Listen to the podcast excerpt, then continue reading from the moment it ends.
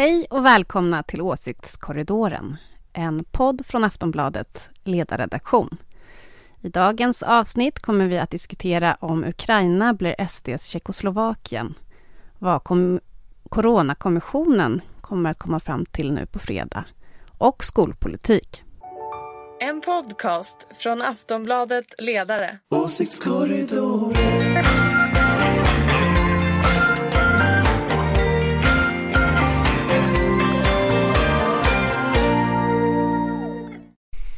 Hej och välkomna till Åsiktskorridoren, en podd från Aftonbladets ledarsida och din skyffel i den politiska snöstormen. För att bringa reda i drivorna har jag precis som vanligt med mig en panel med några av landets mest kompetenta politiska kommentatorer. Ulrika Schenström som är chef för den gröna och liberala tankesmedjan Fores. Du är oberoende moderat. Välkommen! Tackar så mycket! Jonna Sima från Aftonbladets oberoende ledarredaktion. Du är också välkommen! Ja, tackar! Och så Anders Lindberg, politisk chefredaktör på Aftonbladet och socialdemokrat. Eh, och jag säger förstås välkommen till dig också. Det var vänligt. Själv heter jag Ingvar Persson och skriver ledare i Aftonbladet. I den här podden är det min uppgift att hålla ordning på samtalet så rättvist och opartiskt jag bara kan. Vi börjar med Ukraina. Eh, från Moskva har vi den senaste veckan fått höra att det inte finns några planer för någon invasion. Och så igår så erkände Putin Donetsk och Luhansk som självständiga stater. Så kallade fredsbevarande trupper marscherar in precis nu. Eh, jag tänker inte be er gissa vad nästa steg kommer bli. Men jag måste ändå fråga. Förstår vi vad ett fullskaligt krig i Ukraina skulle betyda för Europa? Ulrika? Nej, men det tror jag inte. Alltså, vi har ju inte varit med om det här tidigare, men det är klart att det kommer ha jättemycket att göra med den världsordning som vi står inför. Då kommer det ju ha att göra med alla de politiska frågor som ligger. Som klimatfrågan, hur ska den lösas? Om vi får ett svagare Europa och ett Europa som eh, delvis ligger i krig. Eh, jag är jätteorolig för Europafrågan framöver, att det blir en sån typ av fråga där det blir ett ja eller nej till EU och inte att diskutera hur EU ska se ut. Det är väl ungefär där jag ligger. Anders? Ja, så vi, vi vet ju ungefär vad ett fullskaligt krig skulle innebära. Men, men jag tror att det är ganska långt från det vi har sett nu till att man skulle sätta in alla typer av förband eh, för att till exempel ockupera Ukraina eller så. Det är ju inte det som vi ser.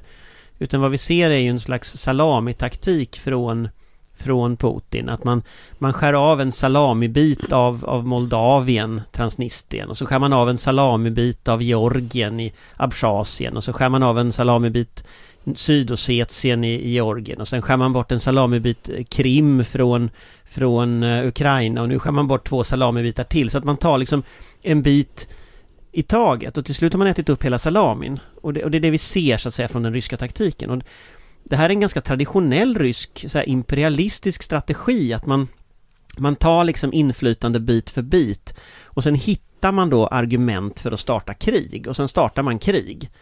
Eh, och, och, nu ser vi ju det, för vilken gång i ordningen tror jag inte ens någon minns liksom som Ryssland går in i ett annat europeiskt land. Vi får gå tillbaka så här, Ungern 56, Tjeckoslovakien 68 och så vidare. Alltså vi har sett det här många gånger förut. Eh, vad det betyder tror jag i första hand, det är en, en återgång till en slags järnridå i Europa. Eh, sen flyttas ju liksom järnridån, vad den, vad den betyder, men det, det är en slags kallt krig vi ser. Eh, och det kommer säkert att spilla över i grannländer i form av flyktingkriser, i form av cyberattacker, eh, olika hybridattacker. Och sen är ju frågan om det är så att, och den stora frågan tänker jag nu, det är liksom, är det här det Putin tänker ta? Att västs sanktionshot har avskräckt honom från att ta mer? Eller är det här första steget och Putin tänker gå vidare och ta mer? Och det, det vet vi ju inte i dagsläget. Men vi kan ju konstatera en sak och det är ju att alla de här farbröderna som har flugit och suttit vid Putins stora bord eh, den här eftergiftspolitiken som Olaf Scholz och Emmanuel Macron har ägnat sig åt den har inte hjälpt. Eh, så att, så att den kan vi konstatera att den funkar inte den här gången heller. Nej, det är också otäckt att tänka på vilka ringar på vattnet eh, det här kan leda till inom Europa, precis som Ulrika var inne på. För jag tänker också att det har liksom blåst upp till en perfekt storm för Ryssland eh, under de senaste åren. Så att eh, Vladimir Putin har det här modet att, att skära de här salamibitarna av Ukraina igen.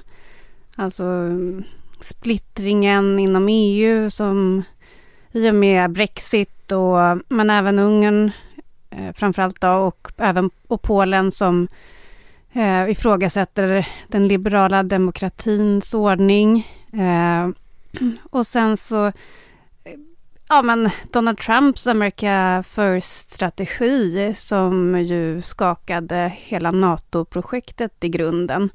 Så allt det där har ju ja, blåst upp till den här perfekta stormen för Rus Ryssland och Putin att våga göra det här aggressiva steget mot Europa. Europa har sig själv att skylla, är det det du tänker? Ja, men lite så biter Europa i arslet att man inte att man inte var mer eh, resolut i, när Krimannekteringen skedde för åtta år sedan. Men betyder, betyder det här att det här är liksom eh, slutet på på det här resonemanget om liksom en värdebaserad utrikespolitik och allt möjligt sånt här. Nu är det, nu är det eh, militärmakt som gäller, Ulrika. Nej, men det är väl både och. Det är väl något slags hybridkrig eh, som vi kommer att se. Men jag tror ju framförallt att han kommer... Anders använde ordet salami. Jag vet inte riktigt. Eh, ja, jag, jag, tänker katt, katt och råtta-lek. Att liksom springa runt och och, och, hota lite grann och sen backa, sen köra på igen och sådär. Det kanske är salami, jag vet inte. Men eh, jag tror att det kommer vara både och. Alltså mm. både eh, informationskrig och, och kanske vapen. I alla fall hot om vapen. Ja, jag tänker Men det är frågan... ju, om jag ska vara ärlig så är det ju just i den här panelen idag så har vi ju en person som faktiskt är expert på säkerhetspolitik. Så att, eh, och det är jag. har jag fel? Förlåt. ja, nej, där, här är vi lite liksom. Anders berätta nu för oss, hur är det? Ja, Vad kommer hända med oss och världen? Det kan jag ju inte. Men, men jag tror att den här, den här salami-modellen, att man tar bit för bit den handlar om en slags rysk självuppfattning i grunden där man anser, sig, man anser sig inte vara omgiven av suveräna stater som har egna rättigheter utan man anser sig vara omgiven av en buffertzon som man har rätt att styra. Man tycker inte att Finland är ett riktigt land eller att Estland, Lettland, Litauen har rättigheter utan man tycker att de är så att säga de ingick någon gång i tiden i Tsarryssland och varför ska de inte göra det igen? Och den uppfattningen Ryssland har, den här, så här imperialistiska grundinställningen, den bygger på flera saker. Eh, en sån sak det är ju att Ryssland historiskt var ett imperium och man har en självbild kvar av att man var ett imperium och så är man inte det på samma sätt längre och då vill man återupprätta det. En del bygger på att man faktiskt har en slags paranoia och, och, det där är en ganska viktig grej att, att i, efter, efter andra världskriget så konstaterade USA, de hade en strategi som heter containment, en slags uppdämning av ryskt inflytande.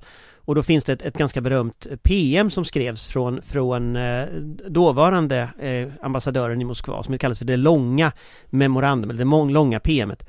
Som ju handlar om en slags självbild, en rysk idé om att man alltid är hotad av någon. Det är alltid någon som angriper Ryssland. Och den här paranoian, vi tror inte att den är på riktigt, för den låter så fullkomligt barock när, när, när Putin säger att, att han är omgiven av NATO så tittar vi på en karta och så ser vi att det är några få procent av landgränsen som har NATO eh, så ser vi att men det är ju falskt, han ljuger ju karln. Men grejen är att deras självbild, den är att de är ständigt hotade. Och den självbilden måste man så att säga utgå från när man förstår Ryssland och vad de gör. Och vad vi ser nu, det är den självbilden som så här, som de agerar utifrån när den här salamitaktiken, man tar bit för bit. Och jag tror precis som Jonna sa att i och med att vi inte satte hårt mot hårt vid Krim, vi satte inte hårt mot hårt vid Georgien eh, heller för den delen, eh, och, och, det blev inga riktiga sanktioner, det blev ingen riktig reaktion från väst. Putins vänner kunde fortsätta åka till sina slott i Sydfrankrike liksom eh, ja, då, då, då finns liksom ingen motreaktion när han tar Krim. Nej, men det är klart han tar då Luhansk eh, och Donetsk också. Och det är klart att det blir ingen motreaktion nu. Ja, det är klart att han kommer att ta Mariupol. Han kommer att ta hela vägen fram till, till Dnepr och dela landet i två delar. Alltså så länge det inte sker en motreaktion så kommer ingenting att stoppa honom. Därför att det ligger i liksom en, en traditionell rysk maktbalanssyn att de har rätten att göra det här. Så att, så att jag tror ju att jag, jag, tror ju att det här långa bordet blir, jag tycker det är ett bra skämt liksom.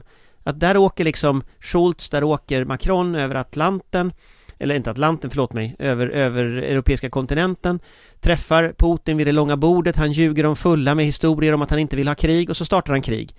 Och nu vad säger de i Berlin och Paris? Jo, de ska fortfarande föra samtal. Det är fortfarande inte så en hård retorik egentligen då va? Men han har ju, nu, nu har de ju stoppat, men nu har ju tyskarna stängt eh, Nord Stream 2. Det kanske... Alltså precis, det, nu, kan, nu kanske det händer saker, men, jag, men, men, men, men då tror jag så här, det faktum att EU inför sanktioner, eh, det kan inte bara vara på systemnivå. Nu måste man våga ta de här slotten. Alltså varenda en i Putins inre krets har liksom slott och palats i Västeuropa på olika ställen. Ta Våga dem. gå emot Gerhard Schröder. Ja men ta dem. Ja precis, dumpa Gerhard och, fot Schröder. och fotbollsklubbar och sådär. Ja men ta eh, dem nu. Frys alltihop. Stoppa väl, deras ska... barn från att gå i skolan i västländerna, för det är ju så att deras barn går ju i skolan i, i väst. Eh, ta, ta bort deras visum. Om de har pass till västländer, dra in passen.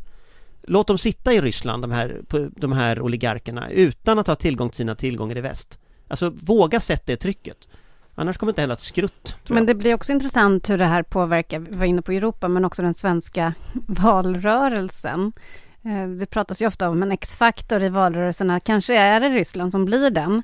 Redan nu ser det ju ut som med, alltså med Jimmy Åkesson i förra veckan som inte kunde säga vem man föredrar av eh, Putin och Macron. Alltså det är ju sånt som, som chockade många kanske som inte vet att Sverigedemokraterna sedan länge har täta band till, till Ryssland Moskva. och Moskva.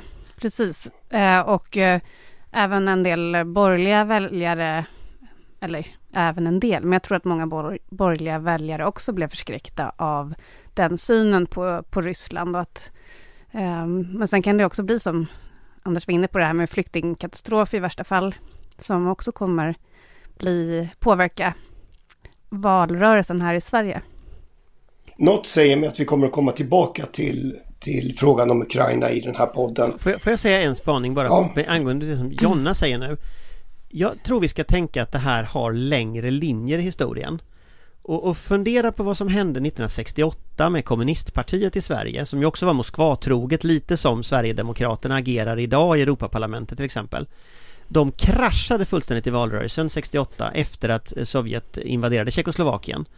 Nu ser vi en invasion i ett europeiskt land av eh, Sovjets efterträdarstat och Sverigedemokraterna har ju på många sätt tagit över kommunisternas roll i svensk politik att vara liksom de som ska bluddra när Putin gör saker eller som, som i Europaparlamentet att rösta för Putins linje Eh, jag undrar om inte väljarna också kommer att straffa Sverigedemokraterna för att de agerar så. Det har svenska väljare historiskt gjort. Så att, så att jag tror nog faktiskt, alltså, jag tror att Moderaterna ska ta och se om sitt hus lite och förklara för Sverigedemokraterna vad det här är för någonting som de har att göra med. Därför att svenska väljare gillar inte när Ryssland invaderar mindre länder i Europa av rätt insedda skäl. Det håller jag helt med om. Det, det, blev en eh, game changer när han gjorde sådär förra veckan. Alltså inte kunde välja en demokratisk ledare framför en, en, en diktator. Ja, eh, vi får väl se hur, hur, hur spelet har förändrats. Eh, jag, jag tänkte vi skulle hinna prata lite om svensk inrikespolitik trots allt också. Skolan har ju seglat upp som en av de stora politiska frågorna och den nya skolministern Lina Axelsson Kilbom har presskonferens mest varenda dag. Moderaterna har stulit Jan Björklunds retorik om flumskola och friskolorna redovisar miljardvinster. Eh, men jag måste ju fråga då, kommer något av de förslag som finns i den politiska debatten att göra skolan bättre på riktigt? Eh, Ulrika? Alltså jag, jag, tror att, eh, jag, jag, tror faktiskt att väldigt stora vinster sticker väldigt mycket i ögonen. Eh, inte bara på eh, vänsterväljare utan även i borgerliga eh, läger. Eh, och jag tror att eftersom Magdalena Andersson har tagit upp den här frågan som stridsfråga så tror jag att den kommer att den, den kommer att eh, ligga och skvalpa hela valrörelsen. Vilket ju, och, det, och det, det, kan också förklara det utspel som, som Moderaterna gjorde. Man har väl läst någon undersökning som har visat att moderata väljare kanske inte är jätteför jättestora vinstuttag eh, och så. Eh, så att eh, ja, jag tror nog att det kan bli så att eh, det kommer att gå igenom olika förslag, men inte före valet. Jonna, vad tänker du? Ja, men jag tycker också det där är intressant, för de, alltså jag tolkade deras byte av, alltså Moderaternas byte av skolpolitisk talesperson som att de, precis som Ulrika är inne på, insåg att det här kan bli en för stor faktor inför valet som vi måste liksom vi måste ändra lite linje eh, och därför ändra eh, person som, som pratar om det. Men det tycker jag inte riktigt kanske de har gjort, även om det är, eh, är lite mer kritisk till hela den här eh, marknadiseringen av skolan kanske. Men eh, annars så parlamentariskt sett så är det ju väldigt svårt att få någon majoritet för någon riktigt stor förändring. Det är väl lite det här skolvalet då som man kan, eller skol köerna menar jag, eh, som både Liberalerna, som ju kanske inte ens blir kvar i riksdagen, men Centerpartiet har ju också ställt sig eh, positiva till att i alla fall eh, korta kön, så att man inte ska ställa ungarna eh, i kö redan på BB till attraktiva skolor. Och det gör ju bara de föräldrar som ja, är väldigt på tårna och pålästa sådär. Så att eh, så det ökar ju på den här skolsegregationen. I och för sig så tror jag också att Moderaterna också har ställt sig, att, att de, de kan tänka sig att förändra det. Men annars kring det här med vinstförbud finns det ju inte något, något uh, någon majoritet för. Så att uh, det är väl framförallt det här med köerna som i så fall skulle kunna bli verklighet efter valet. Är det din bedömning också, Anders? Jag vet inte. Jag, jag, tror att, eh, jag tror att den här regeringen tänker försöka driva fram frågor till omröstning i vår. Och eh, det verkar vara en sån eh, underliggande tanke bakom fler frågor tycker jag. Eh, pensionsfrågan kommer ju till exempel avgöras i vår i riksdagen.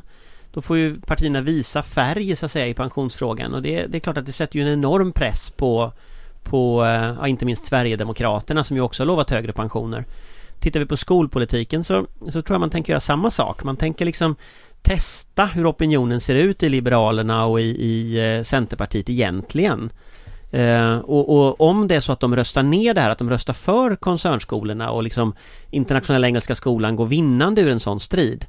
Då tänker jag att då vill man göra det till valfråga. Och i båda fallen så har regeringen liksom en, en, fördel här. Därför att svenska folket vill ju inte ha de här jättekoncernerna som tar ut vinster. Och det gör liksom att det är ju på något sätt elefanten i rummet i skoldebatten är ju att ingen vill ha dem eh, bland väljarna utan det vill ju de här före detta så här, moderata politikerna och liberala politikerna som är aktiva i de här koncernskolorna. Även sossepolitiker. Ja, fast de har inte så stort inflytande i sossarna skulle jag säga just nu. Det, det, det kan de absolut ha i framtiden. Till exempel om vi tittar på bostadspolitiken så finns det ju så här sossoligarker som är inne och styr och har massa synpunkter på bostadspolitik och så, det finns det ju. Men jag skulle säga i skolpolitiken så finns det inga S-oligarker som har ett riktigt inflytande i politiken på samma sätt som det finns moderata och liberala oligarker som har det. Så där finns en skillnad, tror jag. Sen så kan det absolut uppstå. De här koncernerna är bra på att köpa folk liksom. Skulle inte förvåna mig om de lyckas köpa en del sossar också. Nej men det där är faktiskt eh, spännande för att dels har ju sossarna förstärkt sin skolpolitik med den här nya skolministern eh, som är känd från tv som rektor och sådär. Eh, men eh, också tycker jag att eh, när man hör Magdalena Andersson prata om skolan, alltså det är ju då hon bränner till som mest. Hon, då är hon som mest effektiv tycker jag i de debatterna. Alltså, man märker att det är en jätte, ja, det är hjärtefrågan för henne. Eh, när Academedia ta, talade om att det var kastrullskrammel, det här med vinstförbud inför valet. då eh, klippte hon av dem liksom knivskarpt med att eh, det, det här är demokrati. Demokrati är att diskutera barnens framtid som, ju finans, alltså som vi finansierar med skattepengar och sådär. Att det, det är en demokratifråga och att hon blir oroad av tonläget. Alltså det är otroligt effektivt argumenterat. Att det är svårt att ifrågasätta liksom att man i en demokrati diskuterar skolan. Hörni, eh, för jag tänker snabba på det här lite grann. För jag tänkte att vi skulle ta ett kort varv ändå om covid igen. Eh, det har ju gått snart två veckor sedan restriktionerna upphävdes och Folkhälsomyndigheten tror att smittspridningen har passerat toppen. Å andra sidan rapporterar regionerna att det blir allt svårare att få människor att ta sina sprutor. Och på fredag kommer Coronakommissionen med sitt betänkande. Vad väntar du dig Anders? Ja, än så länge så väntar jag mig väl inte så mycket mer än en sån här formell analys. Alltså enligt lagen, vem är ansvarig? Enligt grundlagen står det att regeringen är ansvarig för att den styr riket. Så då är de ansvariga för allt som händer i riket och alltså följaktligen ansvariga för allt som hänt under Corona. Det var ju den argumentationen man förde i första, första eh, rapporten och jag tänker att om, om, man, om man tillsätter en kommission på det sättet man har gjort, alltså som inte har en epidemiologisk kompetens, som inte har en politisk kompetens, eh, så, så blir det nog så. Alltså det är nog ungefär det de kommer att kunna titta på. Eh, jag hade ju gärna sett en kommission som tittade på svensk krishantering och, och, som liksom gick igenom, fungerar fundamenta i svensk krishantering? Och där kan man ju titta på en sån sak som den här så kallade ansvarsprincipen att det du är ansvarig för när det inte är kris är du också ansvarig för det när det är kris. Eh, kommuner och regioner är ansvariga, för, har samma ansvarsområde i kris när det inte är kris och sådär. Den där modellen eh, har ju aldrig fungerat något vidare. Den är ju till för att man ska pinka revir från diverse småpåvar men, men det är klart att hade det funnits en, en civil krishanteringsmyndighet som hade styrt och kunnat bestämma så här gör vi så hade vi antagligen haft en mycket mer effektiv krishantering. Och den typen av frågeställningar, ska vi ha kvar den här modellen där det är tjänstemän som fattar de avgörande besluten och inte politiker? Eh, ska vi ha kvar en modell med självständiga regioner och kommuner Eh, i en kris så att det är så att säga en styrning som gör att regeringen inte kan styra? Eh, och jag skulle vilja svara nej på de frågorna. Jag tycker att vi ska ha en krishantering, en civil krishantering som, som bygger på att man går uppifrån och ner. Man har en myndighet som styr krishanteringen och de är experter på att hantera kriser. Folkhälsomyndigheten kanske är experter på folkhälsa men de är inte experter på att hantera kriser. Och det är liksom nyckeln, att någon som är expert på att hantera kriser behöver göra det. Och det gäller från regeringskansliet, det gäller på myndighetsnivå och det gäller i hela landet. Och i så fall river man upp den ordning vi har. Den typen av frågor skulle jag gärna sett att man hade ställt. Det tror inte jag man kommer göra därför att jag tror att man kommer att titta på vem har skrivit vilket protokoll, vem har skickat vilket papper, alltså formalia granskningen. Eh, och det tycker jag är tråkigt. Jag tror det är ett misstag Eh, att man la upp det på det här sättet. Sen är det utan tvekan ett misstag att eh, kommissionen är slut innan pandemin är det. Alltså kommissionen är slut på fredag, pandemin kanske är slut i höst eller nästa år.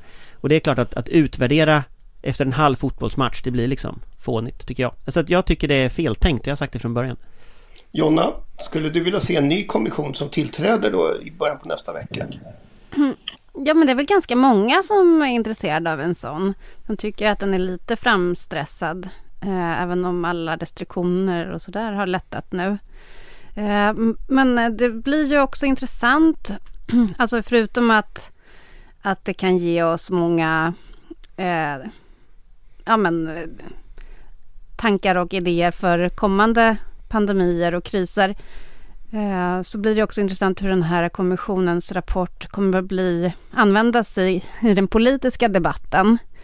Eh, för att det, vi väntar oss ju ganska saftig kritik mot regeringen. Eh, men än så länge har ju de haft ganska så mycket liksom stort stöd för den här svenska strategin som ju stuckit ut i världen under pandemin. Eh, så att eh, frågan är om hur mycket kritiken verkligen kommer eh, ja, ligga dem i fatet. Det tycker jag ska också bli intressant att följa förutom liksom det faktiska innehållet och om det kan, kan komma med några revolutionerande idéer om hur vi ska hantera kriser framöver. Ulrika, helt kort. Eh, tror du att det här kommer att ligga regeringen i fatet? Ja, jag vet ju inte vad som kommer fram, men det brukar ju alltid vara någonting som, som ehm, ehm, kommer att, eh, ja, oppositionen kommer jobba jättemycket på att det kommer att finnas saker i den där som är katastrofalt. Men det hade ju inte spelat någon roll vilken opposition det var, så det hade man ju gjort. Så att, eh, det är väl så det kommer att byggas upp. Men jag tycker också att det är lite konstigt att man ehm, inte låter den ligga eh, tills pandemin faktiskt är slut. Men, men eh, jag kommer faktiskt inte ihåg alla de här turerna kring hur den där kommissionen kom till. Eh, för att det är både bra och dåligt. Eh, att politiker kan börja liksom dra eh, för mycket valrörelse ifall man sitter i en sån där samtidigt som tjänstemän kan bli lite för torrt om vem som har skickat vilket brev till vem. Ehm, och det allra bästa kanske är att göra så som man gjorde med Tsunamikommissionen där det var en blandning. Men Ja, nej, det ska bli intressant att se. Det vi vet är väl i alla fall att oppositionen kommer att trumma på, trumma upp. Men som sagt, det är ju varje oppositions kanske arbete. Det är faktiskt vad vi hinner med i dagens podd. Eh, nästa vecka vet vi vad det står i kommissionens rapport och kanske en hel del om eh, också vad, hur olika delar av det politiska livet reagerar. Vi har inte pratat om energipolitiken, vi har inte pratat om reglerna om arbetskraftsinvandring och vi har inte pratat om Annie Lööf som fortfarande eh, drömmer om den breda mitten. Eh, men det är så det är. Nästa vecka är vi tillbaka eh, och då kommer det finnas massor att prata om. Missa inte det. Jag tänker avsluta med att tacka panelen. Tack Ulrika, tack Jonna och tack Anders. Och som vanligt vill jag tacka dig som lyssnar. Eh, det är du som gör att den här podden finns. Hej då! Tack, tack. Hej då! Hej, hej! hej. En podcast från Aftonbladet Ledare. Åsiktskorridoren.